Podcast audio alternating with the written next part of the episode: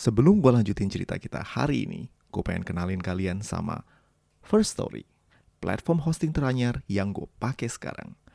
Podcast Mitologi Santuy udah pindah hosting beberapa kali. Dan kali ini, gue yakin gak akan pindah ke lain hati. First Story adalah platform palu gada baru yang paling keren, lengkap, dan user-friendly. Bukan itu aja, gampang banget buat distribusi dan kelola podcast kalian di sini. Udah gitu doang. Eits, masih banyak fitur menarik dari First Story. First Story bisa kalian gunakan secara gratis. Yes, you heard that right. Gratis. Kalian bisa mengupload episode terjadwal dan juga mendistribusikan di seluruh platform hits di Indonesia. Dan yang menurut gue penting banget, tim customer service-nya responsif dan ramah banget karena terdiri dari tim yang berpengalaman dalam hal podcasting. Kamu bisa share podcastmu tanpa ribet dengan F-Link yang mencakup semua link platform dari sosial mediamu. Dan yang paling penting adalah monetisasi. Yes, dengan fitur V-Story Ads, kalian bisa mengakses monetisasi yang mudah dan beneran bisa lu cairin tanpa biaya tambahan dan tanpa repot. Cuan-cuan, kacing-kacing-kacing.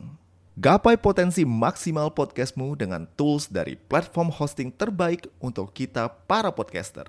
Yuk daftar sekarang di firststory.me dan bawa mimpi podcastingmu menjadi kenyataan. Halo semua pendengar setia mitologi santuy Podcast yang ngebahas mitologi dengan cara yang santuy Kembali lagi sama gue Guru Kelana di episode terbaru dari seri Mitologia Horoskop Yang kali ini akan ngebahas zodiak Taurus Zodiak yang berlambang banteng dan terkenal akan semangat dan kekerasan niatnya ini punya asal-usul yang menarik dan agak unik. Oh iya, untuk episode ini, sedikit disclaimer, bakal ada gambaran tentang kekerasan dan hal-hal yang nyerempet zags. So, buat pendengar yang belum cukup umur atau sensitif tentang hal-hal yang gue sebutin barusan, boleh skip episode kali ini atau lu pada nonton Coco Melon aja. Sorry, gue kebanyakan dengerin Wheels on the Bus, Wheels on the Bus. Anak gue biasa. Anyway, cukup intronya. Mari kita dengarkan episode kali ini, Mitologia Horoskop Taurus.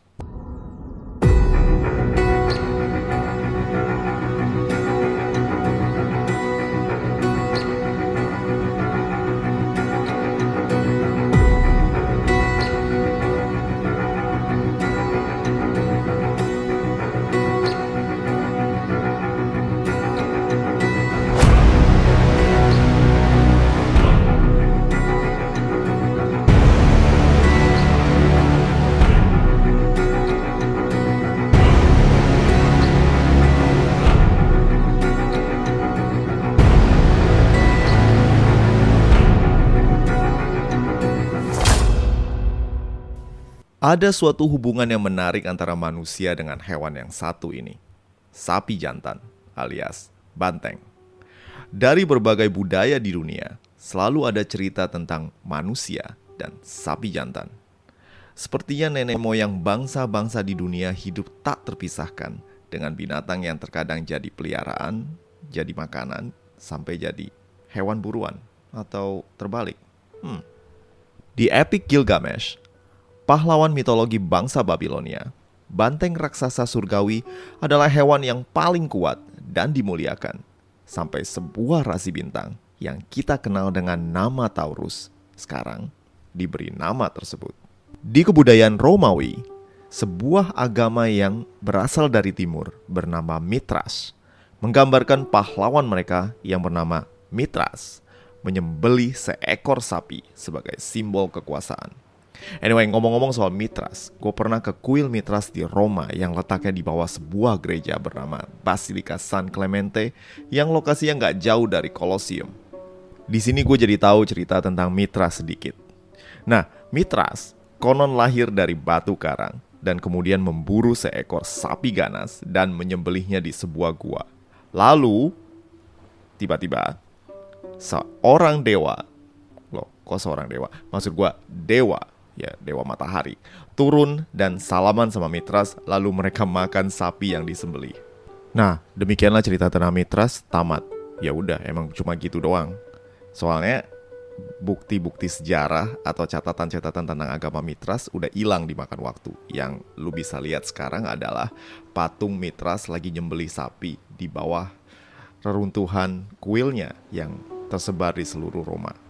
Tapi lebih tua dari kebudayaan Babilonia dan juga Romawi, ada sebuah lukisan banteng di Gua Lascaux, Prancis, yang menunjukkan kalau rasi bintang Taurus itu sudah dikenal dari 15.000 tahun yang lalu. Namun seperti biasa, bangsa Yunani lah yang memiliki cerita lengkap tentang asal-usul rasi bintang. Ya, mungkin moyangnya bangsa Yunani lebih bawel kali ya.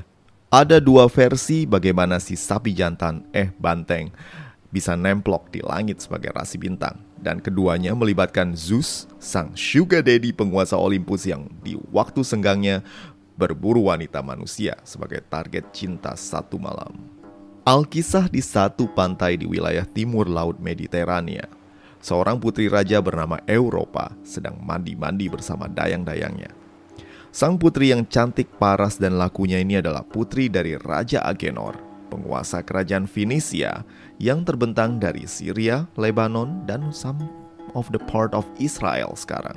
Bangsa Fenisia Wait, um, ini bukan Venesia yang di Italia, tapi ini bangsa Venesia yang tinggalnya di daerah Syria, Lebanon, dan juga wilayah Israel sekarang. Mereka ini terkenal akan pencapaian mereka dalam pelayaran dan juga literasi.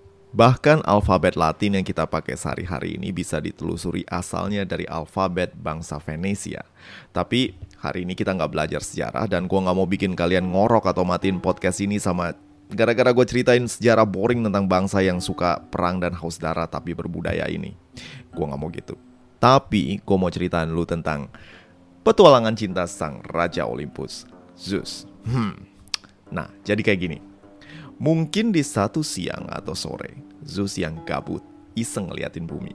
Matanya jelalatan pengen nyari target cinta selanjutnya. Soalnya, apalagi kerjaan Raja Penguasa Semesta selain duduk iseng ngeliatin target kan? dan matanya pun tertuju pada satu figur wanita cantik yang bernama Europa yang kala itu lagi mandi di pinggir laut di Lebanon sekarang. Hmm, gak takut bintitan dia. Europa yang dijuluki sebagai simbol wanita paling feminin di muka bumi membuat Zeus jatuh hati dan langsung melesat ke langit di atas kerajaan Venesia. Sang Raja Olympus berpikir, hmm, Gimana caranya gue PDKT sama nih cewek ya? Zeus muter otak sambil mengamati targetnya dengan penuh penasaran. Eropa, putri Raja Agenor, ternyata punya satu hobi unik. Eropa suka miara sapi. Yep, miara sapi bukannya nyari foto-foto Instagram ala putri kerajaan, tapi dia malah sukanya miara sapi. Ada banyak sapi piaraan Eropa, dan kayak emak yang baik, Eropa merawat sapi-sapinya dengan penuh kasih sayang. Aha, ini dia, kata Zeus yang berhasil mendapatkan cara untuk mendekati sang gadis. Lalu, ketika sedang memberikan makan sapi-sapinya di padang, Eropa mengamati seekor sapi jantan asing yang juga meminta makanan darinya. Sapi jantan ini berbeda dengan sapi-sapi yang dimilikinya. Wujudnya sedikit lebih besar, berwarna putih susu, dan juga kekar Matanya elok dan anggun, menggoda setiap yang menatapnya. Entahlah, mungkin dia kedip-kedip kali. Eropa belum pernah melihat makhluk seindah itu dan dengan polos Eropa menghampiri si sapi jantan yang tentu saja kalian sudah tahu siapa dia. Yes, sang sapi adalah Zeus yang menyamar berusaha untuk modusin si cewek yang polos. Eropa mengelus-ngelus si sapi yang ternyata jinak dan sering menghabiskan waktu dengan si sapi. Eropa sering ngajak si sapi jalan-jalan di padang, ngasih makan sampai mandi bareng tanpa menyadari kalau si sapi mesum adalah raja para dewa yang lagi modusin dia. Dan pada satu hari yang cerah, Eropa dan si sapi slash Zeus pun berjalan-jalan di tepi laut sambil mengamati burung camar. Zeus yang merasa sudah waktunya untuk melancarkan nafsunya, eh niatnya, membungkuk dan memberi sinyal kepada Eropa untuk naik ke punggungnya. Eropa yang lugu dan polos kemudian menurut dan naik ke punggung sapi macam koboi di rodeo. Awalnya, sang sapi jalan pelan-pelan, dan Eropa yang belum pernah naik sapi ngerasa seneng bisa naik sapi sementara kakak-kakak dan rakyatnya cuma naik kuda atau keledai. Tapi seketika, sang sapi mulai berulah. Dari pelan, si sapi langsung tancap gas lari nerjang kayak banteng di festival San Fermin Spanyol. Si sapi berlari kenceng dan Eropa kaget berpegangan di tanduk sang sapi. Kakak-kakak Eropa yang tak jauh dari Eropa dan sang sapi berusaha menyelamatkan sang adik namun si sapi malah berlari ke arah laut dan mukjizat pun terjadi.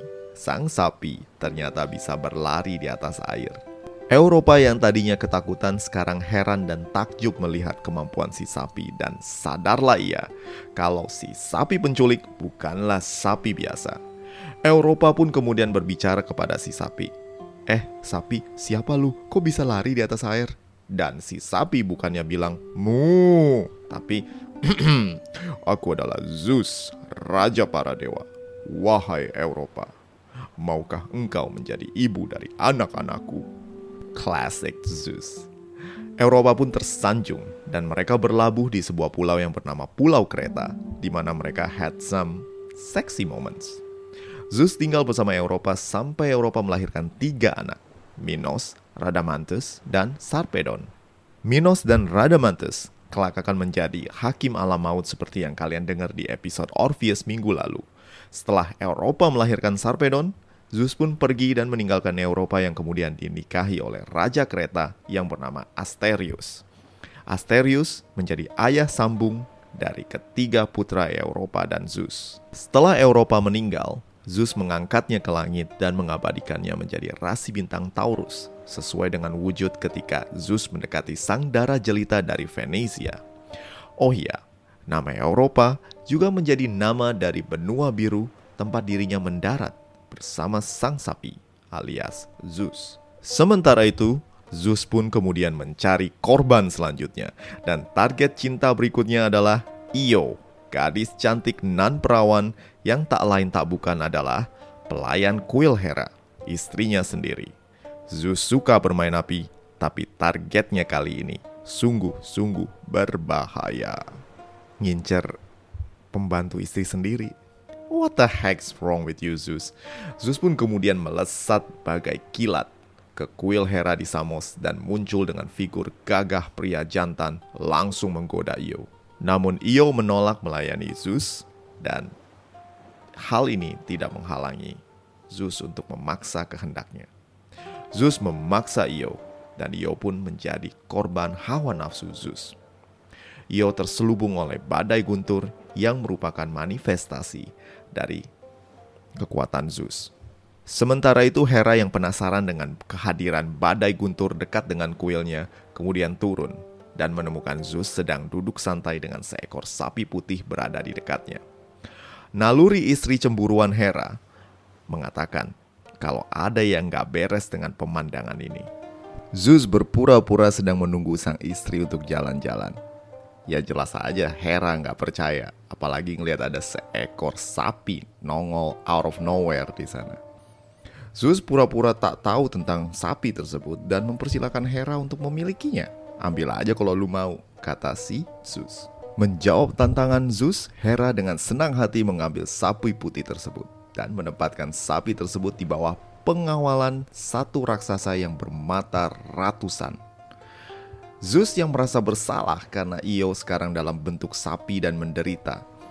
Dia langsung mengirim Hermes untuk membunuh sang raksasa dan membebaskan Io. Sang sapi Io pun bebas, namun Hera yang marah mengirim kawanan lalat dan hantu sang raksasa untuk mengejar Io ke mana pun ia berada. Io si sapi yang malang menderita berlari dari satu tempat ke tempat yang lain. Ia menyeberangi laut di selatan Italia dan memberi nama Laut Ionia sesuai dengan namanya. Lalu, dia nyebrang selat di antara benua Eropa dan Asia yang kemudian dikenal dengan nama Selat Bosphorus alias Selat Sapi Nyebrang.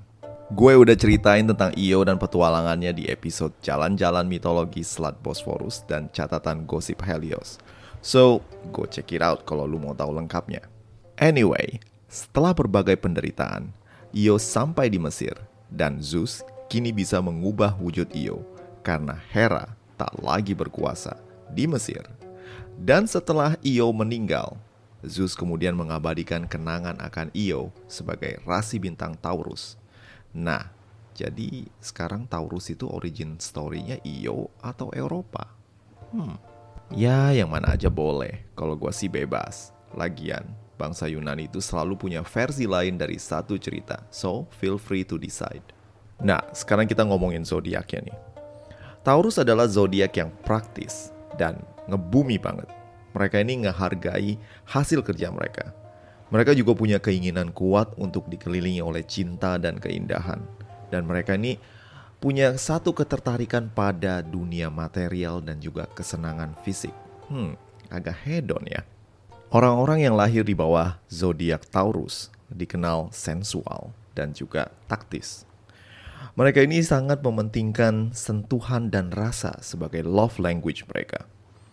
Mereka juga dikenal stabil dan juga konservatif, membuatnya jadi salah satu zodiak yang paling bisa diandelin. Taurian atau orang-orang yang lahir di bawah zodiak Taurus punya komitmen pada pilihan mereka dan akan saklek bertahan sampai mereka mendapatkan titik kepuasan mereka. Elemen zodiak Taurus adalah bumi, seperti Virgo dan juga Capricornus. Taurus punya perspektif yang ngebumi, praktis dan juga realistis.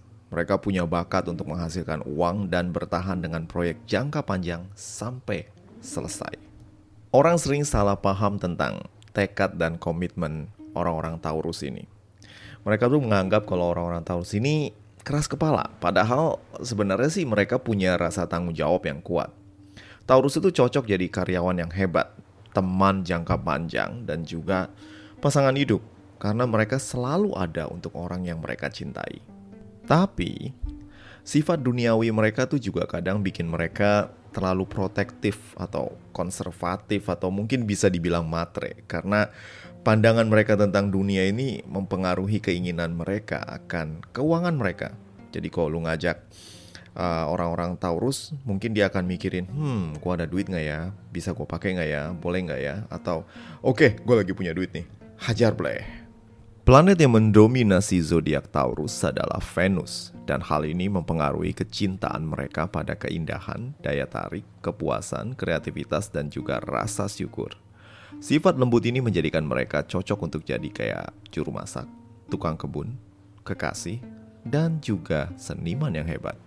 Taurians dikenal setia dan tidak menyukai perubahan mendadak, kritik, atau perasaan bersalah.